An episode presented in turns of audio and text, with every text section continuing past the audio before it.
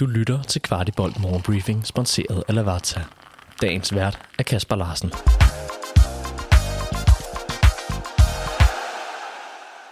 Det er fredag, det er den 24. februar, det er weekend, og vi skal i parken igen. FC København melder ud, at der kommer fanzone til de første fire hjemmekampe.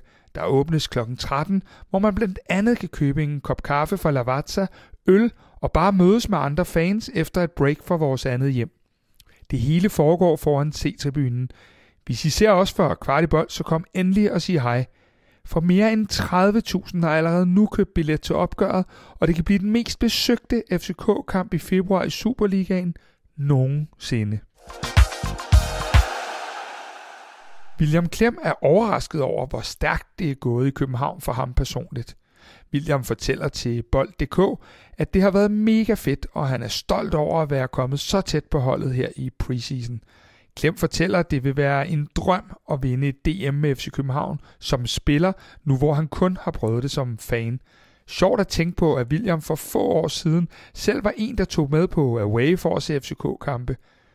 William slutter interviewet af med at fortælle, at både Delaney og Falk er to spillere, han altid har set på med stor beundring. Der er påsat dommer til søndagens kamp mod AB, og vi får fornøjelsen af Jakob Kele til at passe fløjten, imens Michael Tyggaard skal passe varvognen.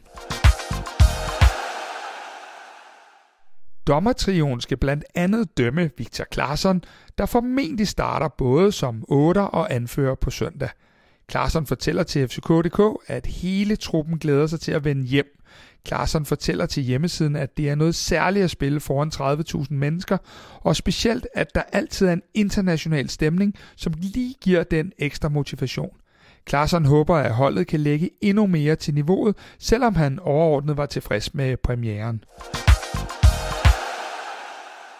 Vi smutter lige tilbage til januars transfervindue, hvor FC København var sat i forbindelse med den norske midtbanespiller Odin Thiago Holm. FC København var villige til at betale omkring 20 millioner kroner for talentet, som i den grad gengældte interessen. Vålerengas cheftræner fortæller til Dogbladet, at han var ikke begejstret for ideen, da han synes, at Odin havde spillet alt for lidt elitefodbold endnu, og han muligvis ville sidde for meget på bænken i FC København. Må ikke vi ser ind i et klassisk dilemma, hvor alle parter tænker lidt på egne interesser her. Vores bud er, at FC København sagtens kunne finde på at vende tilbage på både ham, men også Jesus Vaskes til sommer, alt efter hvordan foråret kommer til at gå.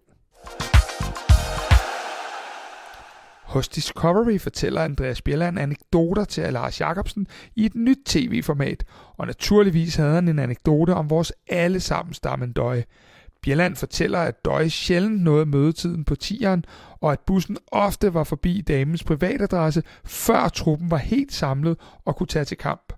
Bjelland forklarer, at det næppe var sket med andre spillere, men at Damendøj altid scorede, og det derfor blev accepteret af alle, fordi der var så meget brug for ham. Bjelland slutter af med at fortælle, at der trods alt blev uddelt bøde hver eneste gang.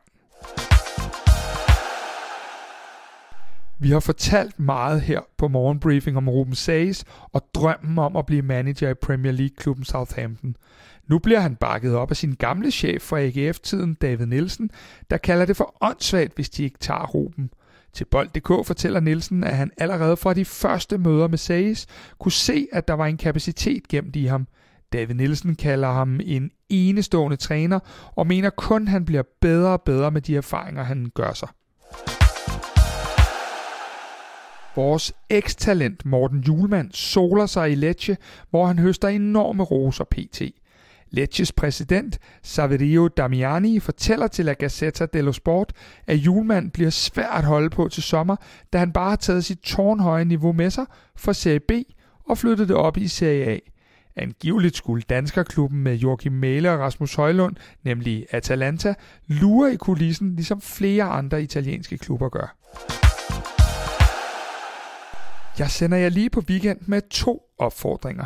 Hvis I savner FC København og er nysgerrig på morgendagens talenter, kan jeg varmt anbefale at tage på Tieren lørdag kl. 12, hvor vores talentfulde U19-hold tager imod OB.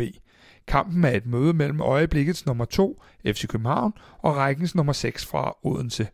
Og husk så, at Kvartibolt har lavet en optakt til AB-kampen, som du kan sætte i ørerne og blive klædt på med alt, du skal vide til søndagens brag i parken.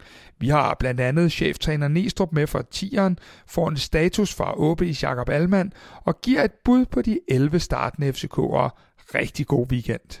Vidste du, at Lavazza har deres egen webshop, hvor du kan købe alle deres forskellige kaffer og endda vælge det som abonnement? De har blandt andet også kaffer, som du ikke finder andre steder i Danmark, som deres Espresso Maestro, der er økologisk og Rainforest Alliance certificeret. Udover de mange lækre kaffer, så har du også mulighed for at vælge forskellige kaffemaskiner eller som en del af et abonnement. Shop løs på shop.lavazza.dk Du har lyttet til Kvartibolt Morgenbriefing. Vi er tilbage tirsdag morgen med byens bedste overblik over FCK-nyheder.